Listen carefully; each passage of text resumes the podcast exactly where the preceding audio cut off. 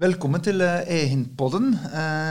EHIN står for e-helse i Norge, og vi snakker om alt som har å gjøre med digitalisering av helse. Mitt navn er Nart Strøs, og i dag snakker jeg med Jørn André Jørgensen og Linn Brann. Vi skal snakke om terminologi og standardisering, som er eh, å få helsedata inn i systemet som kan snakke med hverandre. Um, Jørn André Jørgensen er, jobber i seksjon terminologi, avdeling helsefaglig kodeverk i divisjonsstyring og standardisering på Direktoratet for e-helse. Linn Brann har, mange, har hatt mange roller, men hun er også seniorrådgiver i Direktoratet for e-helse. Hun er lege og indremedisin. Mm. Hei, Jørn André. Velkommen. Hei, Nard. Takk for det. Hei, Linn. Velkommen. Hei. Takk for det. Kan du kort fortelle litt, Jørn André, om, uh, om hvem du er, og hva bakgrunnen din er? Ja, uh, Av bakgrunn så er jeg tannlege. Jeg har jobba klinisk i 15-16 år før jeg slutta med det og begynte å jobbe med både som leder og etter hvert mye som, med terminologier. Mm.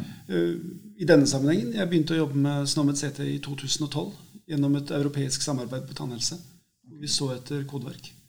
Uh, kom da inn i SNOMED International og kliniske arbeidsgrupper der. Uh, begynte videre å jobbe mer med SNOMED som på det norske området i 2016-2017. Og er nå seksjonssjef og fagansvarlig i program for kodeverk og terminologi. Ok. Og du, Linn, hva er din bakgrunn? Jeg er lege. Har jobbet i litt over ti år eh, i praksis. Jeg har også drevet forskning eh, på beslutningsstøtte og digitalisering. Eh, for i 2015-16 så ble jeg med på et prosjekt i, eh, på Folkehelseinstituttet som handlet om harmonisering av registre og datainnsamling. Og det syns jeg var veldig spennende, så det fortsatte jeg litt med. Eh, og så begynte jeg å jobbe i et lignende prosjekt i Direktoratet for e-helse, i Jørn André sin avdeling. Mm. Eh, I prosjektet i 2017, og så ble jeg ansatt i 2019. Så der har jeg jobbet halv tid siden 2019. Ok. Um, terminologi, standardisering, uh, det er begrep som har vært lenge innenfor helse. og Det virker som vi fortsatt ikke helt har løst det, så det er ikke noe enkelt å, å få løst. Hva er det store problemet når man snakker om terminologi og standardisering, og får det gjennomført i Norge og, og i resten av verden? Én ting er jo å bli enig om hva man skal gjøre, uh, og hvordan det skal standardiseres. Um, en annen ting er å se på hvilket nivå det skal standardiseres på. Hva skal standardiseres? Uh, og så er det satsing. Mm. Man trenger å satse på det. Man trenger å sette av ressurser. Uh, ellers så kommer det ikke ut i reell praksis. Da blir det bare snakk. Mm. Det er, og det er komplekst, kanskje? Ja, vet du hva? Det er faktisk ikke så innmari komplekst. Hvis man bestemmer seg for å gjøre det, så er det fullt mulig. Ja, det kan hende det med mange ting. Sånn, vi kommer borti noen sånne begrep som vi må forklare. Vi har HL7, vi har FIRE og vi har Snåmet CT. Jeg tenker at uh, kanskje HL7 er den eldste av dem. Kan dere kort forklare hva det er? Ja, det står for eh, Health Level 7. Eh, det var en standardiseringsorganisasjon som har jobbet veldig lenge for datautvekslingsformater. Innen helse? Innen helse, ja. Innen helse. Og de har utvikla seg fra mer kanskje tradisjonelle XML-meldinger eh, som skal ta for seg veldig mye, nå til en mer modulær eh, datamodellstandardisering eh, og satsing på API-er ut fra systemer. Um, og oppå det har man da utviklet noe som heter FIRE. Ja, det har man. Og det er et mer modulært eh, Eh, system, eh, rammeverk, eh, hvor man kan sette sammen forskjellige informasjonskomponenter. Sånn, dette har med pasienten å gjøre, dette har med en observasjon som blodtrykk å gjøre, dette har med en prosedyre å gjøre. Istedenfor å prøve å eh, definere alt i liksom samme bolken. Så veldig godt eh, tatt imot av eh, kommersielle miljøer, systemleverandører. og det har ikke vært en sånn standard som har måttet blitt tvunget gjennom, eh, sånn som kanskje tidligere. Liksom, miljøet har tatt det til seg og startet med det også uten ressurser fra eh, statlige midler. Um, og der, skrives FHIR. Og nå må du hjelpe meg litt. Er det Fast Health? Fast Healthcare Interoperability Resources. Ok. Eller ressurser for å raskt kunne utveksle data innenfor Eh, helse. Og så har vi Snowmet for en poetisk fint begrep. Minner meg litt om Game of Thrones, men hva er det? ja, og så har det sin opprinnelse egentlig ganske langt tilbake. Og mange har hørt at SNOWMED sto for eh, Systemized Nomenclature of Medicine, Clinical Terms. Nå har de gått bort fra det akronymet. Altså Det var en organisasjon kjent for sine håpløse akronym. eh, organisasjonen het ITSTO, av alle ting. Eh, nå heter den SNOWMED International. Uh, Snobbet CT er en terminologi. Så er det jo det Hva er terminologi? Jeg mener jo at vi alltid har hatt terminologi i helse. Det er det vi har. Vi har domenespesifikke samlinger av ord vi ønsker å bruke. Og i varierende grad, når vi bruker et system, så setter vi det inn i en liste, og vi gir det en eller annen kode. Og så kommer det problemet Linn sier. Vi blir jo ikke enige. Vi er ikke enige om hvilket ord som egentlig skal beskrive det vi tenker. Og det har man forsøkt på mange ganger. For, for kompleksiteten, Det er ganske mange begrep som ligger inn i SNOME. Det er ikke sånn at man har 30 begreper man skal oversette. Dette har et tusenvis.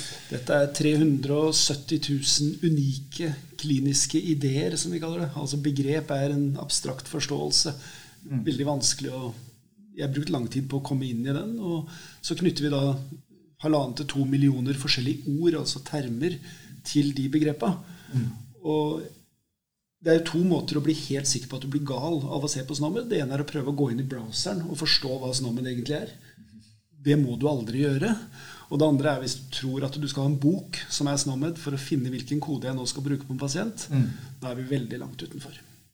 Og hvis jeg da forstår det riktig, da er det er Snowmed en terminologi sånn at jeg kan skrive noe, og du kan forstå hva jeg har skrevet uten at vi har snakket sammen? Mens hvis man gjør det i et datasystem, så går man over da på HL7 og Fire for å utveksle de terminologier, sånn at du kan gjøre det inn i dataverdenen. Er det noenlunde riktig beskrevet? Jeg kan si at uh, uh, Fire uh, informasjonsmodellene er en måte å systematisere terminologien på. Uh, for eksempel så sier den noen ting om Den definerer her er stedet på kroppen hvor du har gjort en prosedyre. Alle vet at på det punktet der, der kommer det nå et, en, et eller annet begrep for hvilket sted på kroppen. Mm. Men det sier ingenting om hvilket kodeverk du er nødt til å bruke. Mm. Noen ganger så gjør det det, men veldig sjelden. Og der kommer terminologien inn. For da må vi ha terminologi. Mm. Og det hjelper jo ingenting hvis vi da hadde putta inn i det området her kommer dette stedet på kroppen. En datamaskin vil helst ha en kode. Vi kan godt sette inn en tekst, men da må vi være sikre på at jeg setter samme teksten som du forstår. Og kanskje enda verre hvis vi skal til utlandet. Noen forstår. Men hvordan skal datamaskinen lese det her? Og Der kommer terminologien inn og setter at jo, det du nå ser, dette som var en fot, det har en kode. Og fot er et godt eksempel. For en fot her på Østlandet hvor vi sitter i dag, den begynner ved ankelen og går ut på fotbladet. Men drar du til Trondheim eller til Nord-Norge, så begynner foten ved hofta og er hele det nedre lemmet. Og Det er et godt eksempel. Hvis du skal beskrive hele kroppen på den måten, så vil det være oppstå problemer. Det er derfor vi går fra dette med å beskrive med ord eller koder jeg har funnet opp, som den andre måtte forstå, til å si vi er enige om denne koden. Mm. Den har denne betydninga. Og det er den vi putter inn i FIRE-modellen og sender av gårde. Men det betyr ikke at vi skal erstatte det vanlige, rike medisinske språket, som tross alt har setninger og punktum og ting som man forstår. Jeg kan skrive en tekst som jeg sender av gårde, og du forstår den. Det er fortsatt, Da forstår vi hverandre. Men dette her er snakk om ting som skal kodes. Og ikke alt skal kodes. Det er også en måte, en måte å bli gal av Snowmed på. Det er hvis du tror at du skal bruke 370 000 begrep. Og det er det eneste du skal bruke i journalsystemet ditt. Det er det ikke. 370 000 tror jeg er ganske mye. Eh, mer enn det vi greier å makte over som som menneske. Men, eh, men, fordi det er jo ikke alle som er like glad i Snowmet eh, og, og standardisering og terminologi. Det er helt opplagt. Ja, og, og, det går på mye på nivå av hvor mye som skal standardiseres. Eh, den ene ekstremen er at man ikke skal skrive noe fritekst i pasientjournalen sin i det hele tatt, og det er helt urealistisk. Selvfølgelig kommer det aldri til å skje. Vi har et rikt språk, vi trenger å detaljert beskrive akkurat hva vi ser. Eh, men noe av informasjonen kan man kode. Og det er den informasjonen som vi enten skal bruke til forskning, eller som er smart å kode fordi det gjør at vi kan finne fram bedre i journalen senere, sende over til andre, eh, eller rydde i, egen, eh, egne tekster og, og forstå pasientens forløp på sikt. Så går det mye da på hvordan strukturerer vi denne informasjonen. Fordi en ting er jo alle er vant til at ja, jeg har en klikk her, jeg har en nedtrekksmeny, jeg må velge noe. Kanskje det er en liste, den inneholder ikke det jeg vil. Den har ord som er fremmede. Eller kan det være sånn at noe kjenner igjen nøkkelpunkter mens jeg skriver? Hva kan jeg i så fall bruke det til? Hvor nøyaktig er det? Så mye også handler om implementering av det vi har. Så det er også lyst til å nevne det med, som Linn er inne på, med vårt rike, naturlige språk. Mange ser til Sverige og Danmark. Sverige og Danmark gjorde en stor feil når de oversatte Snowmed. De oversatte det teknisk. Veldig korrekt språklig, men de hadde ingen synonymer, ingen språklig rikdom. Snowmed som system støtter egentlig at jeg som tannlege kan se ett ord for å beskrive dette begrepet, mens en pasient kan se et annet ord for å beskrive det samme begrepet. Mm. Så lenge vi vet at det betyr akkurat det samme. Og det gjør at du kan ikke nødvendigvis få lov å skrive akkurat hva du vil når du skal kode. Men du kan få lov å finne noe med det du har i hodet ditt når du skal kode, istedenfor å måtte leite i noe som er ukjent. Mm. Det er der vi prøver å få til det skal være kjent, det skal være klinisk godt, og vi skal strukturere på en god måte det som er nødvendig å ta med seg videre. Okay. Ikke alt andre. Nei, det, Og så får man da det handler jo om data som vi skal bruke i ulike sammenheng. For det er jo hele grunnlaget at vi vil eh, dele data. ikke sant? Så har man noe som heter ende-til-ende gjenbruk av data. Hva, hva, ligger i det? Vi har et mareritt i sektoren nå som heter mapping. Og det betyr at jeg kan skape en betydning i journalsystemet mitt ett sted, i én modell. Så må jeg få det ut og da skal det helst ut i et annet språk, i en annen modell. Ja, da må jeg koble både innholdet mitt fra en modell over for å prøve å få trykt det inn i en annen modell med et annet kodeverk. Ende til ende handler om at når jeg skriver noe, så fanger jeg betydninga der jeg sitter. Og så klarer jeg å flytte, uten å gjøre masse med denne her, over til der noen skal bruke den.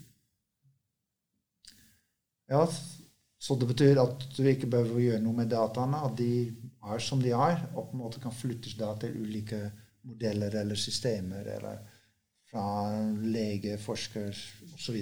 Skal vi få til det, så er vi avhengig av at denne koden du registrerer, som bare må jeg få lov å si den koden skal ikke synes eller kunnes av mennesker. Det er en tallkode som ikke har noen betydning for mennesker. Det er ordet som betyr noe, som beskriver det vi tror. Eh, og da, Jeg må kunne fange det ordet når jeg sitter og dokumenterer. Og så uten at den koden nødvendigvis endres, så kan den flytte seg. I, og da må vi ha koden først, og så må vi ha modellene etterpå. Og Det kan Linn ganske mye mer om. Det å ha enhetlige modeller. Som også er en forutsetning for dette ende-til-ende. Ja. Og, og en, av, en, av, poengene er at implementeringen har veldig mye å si. Eh, ingen lege ønsker å sitte der med åtte åtte nedtrekksmenyer for å kunne si én enkelt ting som de har lyst til å si. Eh, hvis du har lyst til å ha en nedtrekksmeny med 'det gjorde vondt i høyre fot', det gjorde ikke vondt i høyre fot, så er det veldig mye bedre å kunne velge mellom de to tingene, og datasystemet i bakgrunn kan sette 'dette var fot', 'dette var høyre side', 'dette var vondt'. Eh, okay. Og så kan man sende da de datapunktene over, og så kan andre bruke de datapunktene som å, å, slå sammen på andre måter. Eh, men det kjempeviktige her det er at den kliniske arbeidsflyten skal være god. Eh, arbeidsflaten din er det som måte, gjør at du klarer å utføre arbeidet ditt. Hvis den blir ødelagt, da er det veldig mye som går måte, tapt i standardisering. For det er nettopp den, den innrapporteringen som da klinikere ofte må jobbe med, som er kanskje ikke er så veldig glad i den, den delen, og måtte forholde seg til all slags systemer. i en hverdag hvor de snakker med pasienter og skal få gjort jobben sin. Så det er viktig at, den, at man ikke får nedtrekksmeny med 375 370 000 begrep, for da blir det vanskelig å skrive noe fornuftig. Ja. Eller åtte nedtrekksmenyer når du egentlig ikke trenger mer enn én. Og så er det dette med arbeidsprosess som Linn er inne på. Ja, jeg er tannlege, så jeg er vant til å jobbe veldig strukturert. Vi har en journal som er kjempestrukturert fordi det er effektivt i vår arbeidshverdag. Og der er det mye klikk. Men det er fordi det produserer. Da, da trenger ikke jeg å skrive mye. Men jeg hadde allikevel den todelte arbeidsprosessen. Først så dokumenterte jeg pasienten min. Og så snudde jeg meg rundt, og så dokumenterte jeg det jeg skulle gjøre for rapportering. Og det å skille de to prosessene tror jeg reduserer kvaliteten på rapporteringa. Og det skaper ekstraarbeid. Og vi ønsker jo ikke da med den jobben vi gjør nå, å skape enda mer ekstraarbeid. Vi ønsker å skape mindre ekstraarbeid, mm. samtidig som du fanger mer informasjon som er god og presis og riktig for å beskrive den pasienten du har.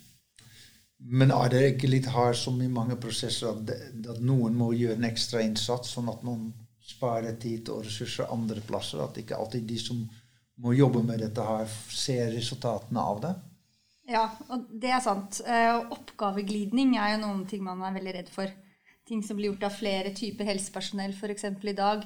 Plutselig er det én gruppe som er nødt til å gjøre. Um, og det, det, skaper jo et større arbeidspress på den gruppen, selvfølgelig.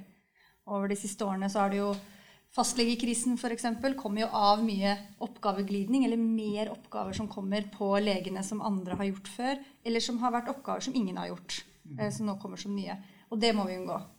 Og det, og det at man unngår å, å dobbeltregistrere opplysninger, for det skjer jo også mye i helse, det, vil jo kunne, det kunne vel endres med, med gode systemer? Ja, og, og, det at du kan bruke dataene dine tilbake i det systemet og arbeidet du gjør. Eh, I dag er det mye registrering til registeret som går ut i et sort hull som man aldri ser. Eh, mens ting som jeg registrerer på disse registreringsskjemaene, kunne vært veldig nyttig å ha hatt i, i, mitt journalsystem for å få oversikt over pasienten f.eks. Eller gjenbrukt um, i andre settinger. Jeg så en gang det var et sånn dashboard i et av legesystemene, de kvalitetsarbeidene som fastlegene har, hvor de da får opp Har du gjort en strukturert med eh, legemiddelgjennomgang med pasientene dine. Hvor mange har du ikke gjort det? Ja, det er klart du kan bygge den typen. Men hvis jeg kan registrere noe på mine pasienter som jo, registeret har bruk for det, kanskje styringsmyndigheter har bruk for noen av disse dataene Vi kan koble det. Men jeg har i min kjerne også bruk for de samme dataene. For det sier meg noe om min praksis, noe om mine pasienter. En måte jeg kan finne noe som er relevant på. Mm. Og så skal jeg være litt forsiktig, men så tenker jeg at vi kanskje etter hvert kan begynne å bygge dette videre til kunnskapsoppslag. At jeg kan bruke det til å slå opp også der jeg har behov for mer kunnskap. For idet det har dette, denne sykdommen strukturert ja.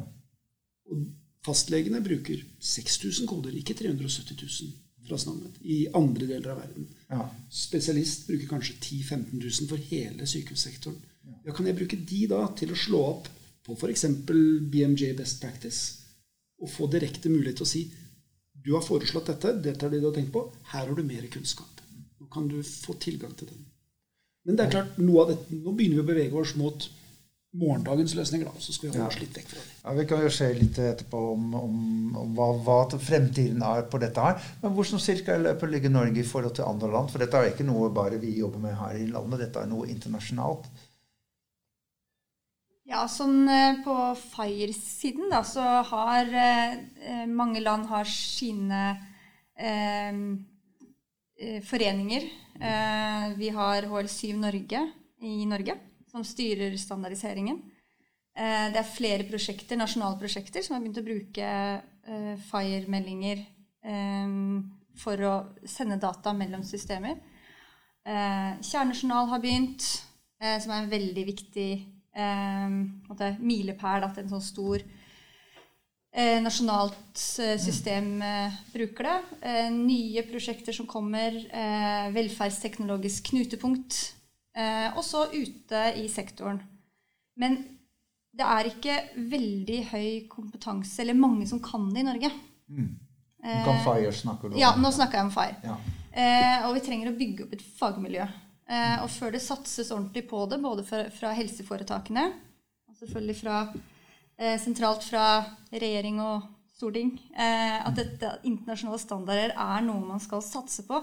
Så kommer vi til å ligge liksom, og vake på et nivå hvor det blir opp til hver enkelt organisasjon å bruke penger på det eller eh, satse på det. Og hvis det er liksom én-to personer i hver organisasjon, så, så, får vi liksom ikke opp et stort miljø med mye kunnskap. Er det, er det et teknologisk miljø eller et helsemiljø? Hvor kommer folk fra som jobber med FIRE? Eh, det kommer fra både helsesiden og teknisk siden, men det er nok eh, mest på den tekniske siden nå. Vi ønsker jo selvfølgelig at det skal komme flere med helsebakgrunn. Men det, det er igjen Nav og noen satser på det. Det å ta ut klinikere av praksis når de allerede er så pressa som det de er, det er liksom ikke, det er ikke mulig hvis det ikke er eh, en ordentlig push på det og ressurser som følger med. Um, vi ser i, i, USA, som kanskje er de som har kommet lengst og bruker det mest, der er det mye kommersielle interesser eh, som gjør at det implementeres. De, sier, de, ser at det er smart å standardisere. Og da er det IT-selskapene som lager løsninger som de kan selge til helsesektoren? Ja. Snowmet-terminologien det er jo også et stort internasjonalt arbeid. Eh, er det land som har kommet lenger enn Norge? Eller? Ja, det er det. Eh, men der har vi jo fått til denne nasjonale satsinga. Akkurat nå er vi inne i en programperiode. Program for kodeverk. Blitt et satsingsområde vedtatt på statsbudsjettet.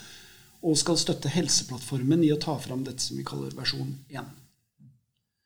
Versjon 1, hvis Midt-Norge har bruk for terminologien, så har sannsynligvis mange andre også det.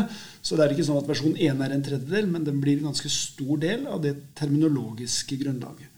Da snakker du om Helseplattformen i Helse Midt, som nå går på tvers av kommune, fastleger og, og sykehus. Ja. Mm. Og Vi står jo ikke på noen implementering der, men vi prøver å bidra med det terminologiske og kodefaglige grunnlaget.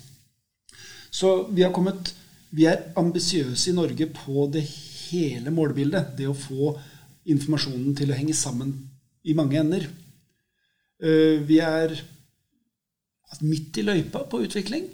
Vi ser igjen USA har jo ligger veldig langt framme på noen spissområder. Vi ser andre vi ikke pleier å sammenligne oss med. Altså F.eks. Portugal, Estland, Australia, New Zealand er veldig langt framme. Vi ser jo ofte over kjøren til Sverige og Danmark. og er måte, De er ikke der. De er heller ikke ledende. Men det er mange som er godt foran oss i løypa, så vi kan trekke av. Men vi har et ganske omfattende og ambisiøst målbilde. Og vi har fått til den nasjonale satsinga. Det vi ser veldig tydelig for å få dette ut i tjenesten, er jo den koblinga som Linn snakker om. Det hjelper ikke å ha den perfekte ordboka med alle mulige strukturer hvis ikke du har et system å putte det inn i. Og det er jo kanskje vi har Jeg syns vi har gode muligheter. Vi har fått til riktig satsing, men vi savner denne tvillingen med å også få dette godt inn i modellene. Og få det inn i løsningen. Og det er jo viktig for eh, norsk helsenæring eh, å bruke standarder som også brukes i andre land og internasjonalt for at vi skal kunne eksportere eh, de flotte produkter som vi lager i Norge. Eh, helsenæring, nye norske oljen. Ja. Men vi, vi, kommer ikke dit ved å bare lage Bare bygge på norske, lokale standarder. Eh, hvis du skal ha suksess med produktene dine utenlands, så er det smartere å bruke internasjonale standarder. Men hvis du er nødt til å forholde deg til norske, lokale kodeverk og informasjonsmodeller som er veldig spesifikke, så må du da må du gjøre begge deler, og det er ressurskrevende. Det er det. Mm. Og da er en FIRE-modell bra, for da kan man flytte det til andre land også. Ja. Eksempel så er det en stor satsing i eh, EU på å flytte data fra mellom land. Eh, International Patient Summary. Og det bygger på FIRE. Okay. Ja, det, det, det er et slags europeisk tjenejournal. Nettopp. Mm. Ja. Og det er litt samme der, da. Den, I hvor stor grad, det vet vi ikke ennå, men den kommer nok antageligvis til å bruke SNOMED som noe av innholdselementene. Som denne betydninga som ligger inni, som Linn snakker om. Og det er jo ikke bare det at vi da kan sende data. Men du sa 370 000 begrep. Det vi ikke har vært innom, er at SNOMED er en såkalt ontologi. Dvs. Si at det er mange relasjoner du kan spille på innafor her. Det er 40 land som er medlemmer. Den har utvikla seg dynamisk nå over uh, flere tiår. Og den baserer seg på internasjonal forskning om hvordan den er bygd opp. Det er ikke gjort på en dag å bygge opp dette her. Å mm. tenke at vi med fem millioner i Norge skal bygge hele dette systemet på nytt istedenfor i det norske ord, det blir i mitt hode helt feil. Ja. Hvorfor skal ikke vi trekke heller sammen med det internasjonale miljøet? Og nå skal vi ikke snakke mye om det i dag, men vi har sett på dette med legemidler og virkestoffordinering. Hvor vi da begynner å jobbe. Så ser vi plutselig at jo, men hvis vi jobber innafor den paraplyen, så kan vi jobbe med det internasjonale miljøet. Da kan vi jobbe med EUs implementering av disse standardene. Vi kan jobbe med det internasjonale Bare to dager siden hadde vi møte med det internasjonale miljøet på vanskelige problemstillinger. Og vi får beskjed ja, men kan vi få deres produkt, så skal vi se på det, forbedre det og sende det tilbake. Da får du noen kraftige synergier. Du drar på et internasjonalt miljø istedenfor å alltid leve under illusjonen om at vi kan bare sitte her aleine og gjøre dette perfekt. Mm. Ja, Det er helt opplagt at forskningsmiljøet er jo naturlig veldig interessert å dele internasjonalt, mens de mer kliniske miljøet er veldig regionalt og nasjonalt organisert. det men vi må ha de dataene fra de regionale, fra sykehus og kommuner inn til, til den internasjonale forskning. Det er fortsatt ganske teoretisk, det vi snakket om. Kan dere komme noen mer konkrete eksempler? Dette her kan man gjøre med, med både FIRE og SNOMED, og, og, her får vi noen konkrete effekter. Ja, Vi kan jo eh, ta som et eksempel et prosjekt vi har vært med på nå det siste eh, halve året. Eh, som går på å flytte data fra pasientjournal til et register det nye tarmscreeningsregisteret. Okay. Eh, det skal komme ny, et nytt tarmscreeningsprogram fra høsten av. Eh, og de har valgt da å bruke både Fire og SNOMED eh, der det er mulig. Så det, det er noe, et, et, nytt register som nå startet høsten 2021? Ja. Og der har vi fått være med, både som, for å hjelpe til hvordan, hvordan man bruker terminologi, og der man trenger terminologi som Eh, for å putte inn i informasjonsmodellen. Eh, og utvikling av FIRE-profilene. Eh, og det har vært veldig nyttig å være med på et helt konkret prosjekt. Alle vanskelighetene kommer da. ting som vi er nødt til å se på Skal dette her være noe nasjonalt normerende? er det er det måter her vi kan både gi veiledning på ved, ved nye eh, implementasjoner. Og gir oss liksom den faglige bakgrunnen vi har vært med på praktiske prosjekter. Så vi, vi jobber jo i et direktorat, og vi skal være normerende og liksom heve oss litt over. Men det er veldig vanskelig å, å normere på ting du ikke har sett. Så, så, det vi har snakket om i stad med, med, med demologi og standardisering, det, har, det, er nå inn i dette timescreeningsprosjektet. Og man konkret tilpasser det. Alle skal bli enige om at sånn skal vi gjøre det. Og hva er fordelene da hvis det funker? Det er at vi kan gjenbruke mye av de tingene som vi har gjort. Eh, strategiene rundt, men også direkte. Eh, hvordan klarte vi å beskrive en prosedyre? Eh, hvilke informasjonselementer måtte med? Og så er det jo sånn at ingen standarder er jo perfekt. Eller alle blir fornøyd. Jeg skal på et møte en gang med noen fra Standard Norge. Der var det en som etter at vi hadde diskutert noe hva skal vi bli enige om? Eh, så sa denne personen, som jeg nå ikke husker navn på, sikkert ikke skal kåte eh, Men kom igjen, folkens. En standard er når ingen blir fornøyd. dere må ikke tro at dere skal bli fornøyd med alt. og, det er sånn FIRE, f.eks., har lagt seg på en sånn 80-20-tilnærming. Med 80% det burde være standardisert. 20% i ditt spesielle use case, det må du gjøre selv. Eh, og, og Snåmed er heller ikke perfekt. Ikke sant, Jørn André? Nei, Snåmed er ikke perfekt. Og Snåmed er jo språk. Så det er jo en dynamisk ting under utvikling. Ja. Og to betraktninger rundt dette tarmscreening er jo det ene er at Vi har ikke brukt 370 000 begrep i tarmscreening. Altså Det er et ganske lite utvalg som egentlig skal til. Og hva gjør vi da? Jo, da deler vi opp elefanten. Og så sier vi ja, men for dette tilfellet så er nedtrekksmenyen din ti verdier. Eller avkrysningsboksen din representerer noe på baksida, eller et eller annet. Og vi har ikke valgt ut de begrepa. Eller jo, vi har valgt ut begrepa til slutt, men vi har ikke valgt ut hva det skulle stå der. Så det er klinikere som har sagt hva ønsker jeg å si noe om. Og jeg vet dere var med, Linn, med på Diakonhjemmet og gjøre en test på, på en koloskopijournal som har brukt mange av tilsvarende elementer, får jeg si og som vi nå håper skal kunne koble sammen, sånn at vi faktisk skal ha en god behovsbeskrivelse fra kliniker. Hva er det jeg setter i journalen min? Hva er det jeg har lyst til å registrere? Og så sitter egentlig registeret hatt en veldig god holdning og sagt på andre sida ja, men vi ønsker først og fremst å få dere, det dere har lyst til å registrere. Og Så hjelper jeg og Linn til, og mange andre til innimellom, og sier jo, men hvis vi knar det litt sånn og litt sånn, så passer det i denne FIRE-modellen. Vi har koder fra terminologien som understøtter. Og vips, så har du egentlig ende til ende fra det som var klinisk nyttig, definert i den ene hånden, til at registeret bruker det den andre. Ja. Og for å være helt klar, så jeg, jeg var ikke med på den implementeringen, men vi har hørt mye om den. Eh, og der var det, det var helt klinikerstyrt. Jeg har lyst på disse boksene. Eh, og, og, det viste seg at det var ganske mye struktur.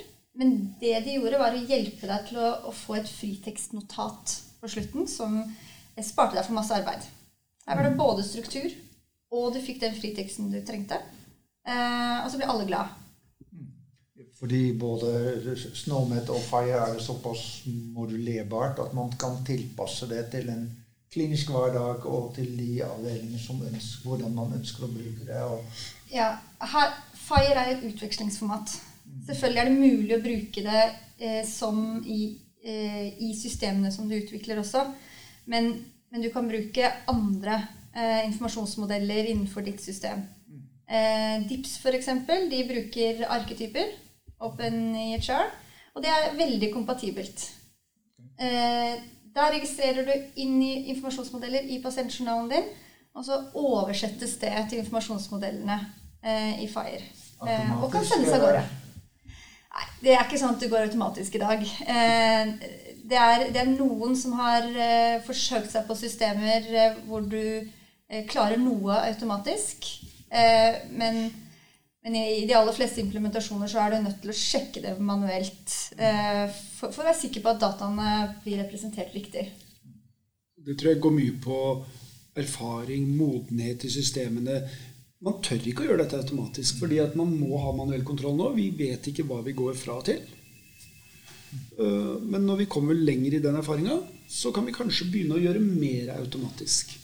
Og da vil vi også lære mer om hva ønsker registrene å spørre etter? Hva ønsker klinikeren å registrere? Og du spurte om dette med om dette er klinisk vennlig. SNOMED er jo i utgangspunktet laga av klinikere for klinikere basert på klinisk dokumentasjonsbehov. Det var startpunktet. Ja. Så har man ikke alltid lykkes med det, men det var startpunktet. Og det vi ser når vi jobber nå, da, er registeret ønsker å spørre om noe på én måte, og så ser vi da på FIRE-modellen, ser vi på Snamed Jo, men hvis du spør på en litt annen måte, så får du den samme informasjonen, men den føles både mer intuitiv der, den er lettere å modellere for oss, og du kan utnytte den bedre i andre enden. Så vi har lært utrolig mye om hvilke ord skal stå her og der, hvordan er strukturene gode. Mm. Og hvilke ord må vi gjøre så gode at de blir kjent for klinikere. Ja, Man må ikke glemme at hvis man ikke gjør det, så har man enten papirdokumentasjon eller datasystemer som ikke kan kommunisere ut til andre. Så, så, det er jo mye vi skal få til med dette her, med den dataflyten, som gir jo mye fordeler for både pasienter og klinikere, forskning osv. Men så er det veldig viktig å si ikke alt skal standardiseres. Ting som du skal utveksle, som du trenger å ha i små informasjonselementer, eh, er fint. Eh, men man må jo alltid være klar over at man trekker informasjon og data ut av sin kontekst. Eh, og, det, kan være direkte farlig. Hvis du ikke vet Altså du trekker hjerteinfarkt ut av en kontekst, så, og ikke setter den inn ordentlig i en informasjonsmodell, så vet du ikke om det er du som har et hjerteinfarkt, du som har tenkt på et hjerteinfarkt, bestemoren din som har et hjerteinfarkt. Um, og, og, hele den det, detaljrikdommen rundt kliniske funn f.eks. Når du undersøker pasienten, så er det mange småting, og du skal ikke kode alt det. Uh, og man må passe på at det man koder da, ikke kommer ut av konteksten sin og blir direkte feil. Kunne, kunne Snowmet og Fire, og, hvis man hadde implementert det bedre, kunne det ha hjulpet oss noe i forhold til den pandemien vi står oppe i? Er det noen ting man kan, kunne ha sett at uh, vi kunne ha løst lettere? Ja. ja. Jeg har et eksempel. jo, jeg tør å ta det eksempelet. Uh, man spør f.eks. om uh, redusert lukt- eller smakssans. Ja, I, i alle skjemaene. Som en kombinasjon. Ja. Uh, hvis man hadde hatt dette i FIRE-modeller, så hadde jo for det første den informasjonen vært lesbar på kryss, så man kunne lettere søkt den opp. Hadde man hatt SNOMED, så hadde man for det første visst at man burde dele dette her og si er det redusert luktsans eller smakssans som to separate kodeelementer. Og eksempelet der er jo at i England så fant man jo en ganske stor forskjell. Jeg husker ikke hvem av det var. Jeg mener det var smakssansen som var redusert i 80% av tilfellene. Så det var en ganske sterk føring for covid-19. Mens luktesans det hadde veldig liten betydning. Okay. Og det er jo en type forskjell som du begynner å finne. Jeg vet amerikanerne har sett mye opp mot uh, folkegrupper og uh, etnisk tilhørighet. Mm. Og de har sett mot kreftformer. Og her bruker de jo da SNOMED som kodeelement, for da vet de at de skal søke etter én kode, eller egentlig ikke én kode, for vi kan bruke disse systemene i SNOMED til å finne større utvalg. Og så måtte de, Men de må jo ha informasjon et sted. Så det er klart, hadde vi hatt FIRE-tilgjengelighet av data koda med SNOMED, så hadde vi kunnet hatt raskere tilgang til mer informasjon tidligere i prosessen. Og, og så er det jo det at vi har veldig mange registre i Norge, nasjonale registre, mm. i tillegg til alle lokale og helseundersøkelser. Eh, og, og, hvis hver av de skal implementere sin egen portal som ikke er integrert med pasientjournalen, eh, så blir det mye innlogg, eh, mye gå fra et system til et annet.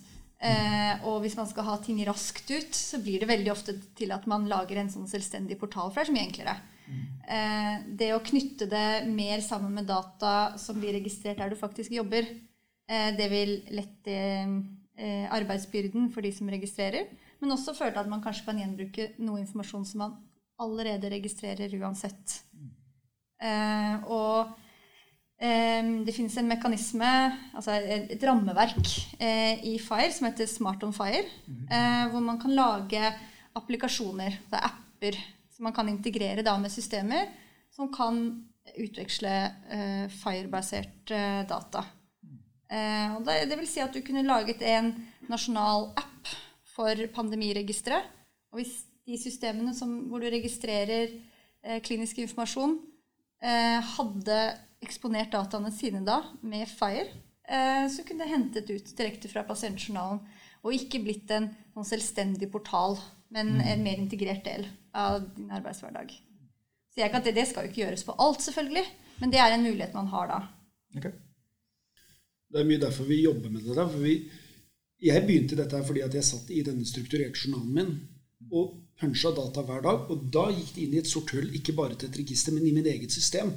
Altså Jeg fant opp denne pasienten, men det å faktisk finne ut noe så enkelt som hvor lenge varer min fylling, hvorfor gjør jeg en behandling gitt en diagnose, ingen som kunne svare meg.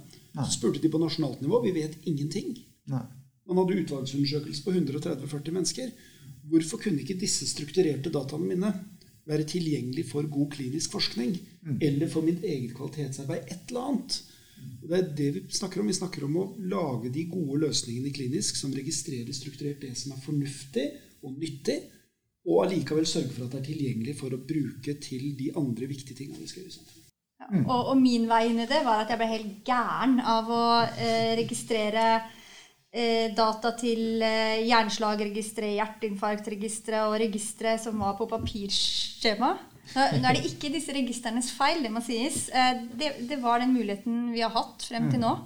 Eh, men hvorfor må jeg gjøre det på siden? Jeg kunne ha gjort mye av det hente data. Jeg måtte skrive på nytt igjen når, hvilket tidspunkt kom pasienten inn på sykehuset. Den dataen ligger der. Så det, jeg tror begge våre veier inn i dette her var basert på frustrasjon. ja, vi, får jo... at, eh, vi, får håpe at, eh, vi får løst noe av dette her eh, om ikke altfor lenge. Vi skal få en ny regjering i år. Har dere noe tydelig budskap i forhold til denne sammenhengen til en ny helseminister som vi får i øst? Ja. Nå vil jeg gjerne godt høre hva det budskapet er. det er Vi må satse på internasjonale standarder i Norge. Både pga. helsenæringen vår, men også eh, av hensyn til arbeidsmengde der ute for klinikere. Datatilgjengelighet, forskning. Alt vi bør få til styringsdata. Men, men vi trenger en satsing. Eh, vi, dette må ikke være opp til hver enkelt organisasjon. Det, det, går ikke fort nok. Det blir ikke prioritert. Ikke fordi ikke alle vil, men fordi det er ikke, faktisk ikke mulig. Mm. Jeg, jeg, er jo selvfølgelig byråkrat. Og som god byråkrat så er jeg alltid enig med den lederen vi til enhver tid har. Men, Men eh, jeg er også ganske mye enig med Linn. Jeg tror også et problem er styring. Vi har ganske mye ressurser i Norge. Onde tunger sier at vi har hatt litt mindre ressurser, så måtte vi ha vært litt smartere. Fordi vi, trekker, må sørge for at vi trekker i samme retning. Og derfor tror jeg at disse satsingene vi er enige om, nå bruker vi ressurser på akkurat dette fordi vi ser at det gir gevinst. Og så skal vi heller være bevisst, og det tror jeg også lederne må være bevisst. Klinikere må inkluderes i dette. Dette må ikke bli nok en gang hvor klinikeren er den som sitter igjen med ekstraoppgaver. Nå må vi faktisk også klare å ta ned ekstraoppgavene og allikevel få gode data. Tusen takk at dere var med på denne podkasten, eh, Lindbrand. Takk skal du ha. Og Jørn André Jørgensen. Takk skal du ha. Takk. takk.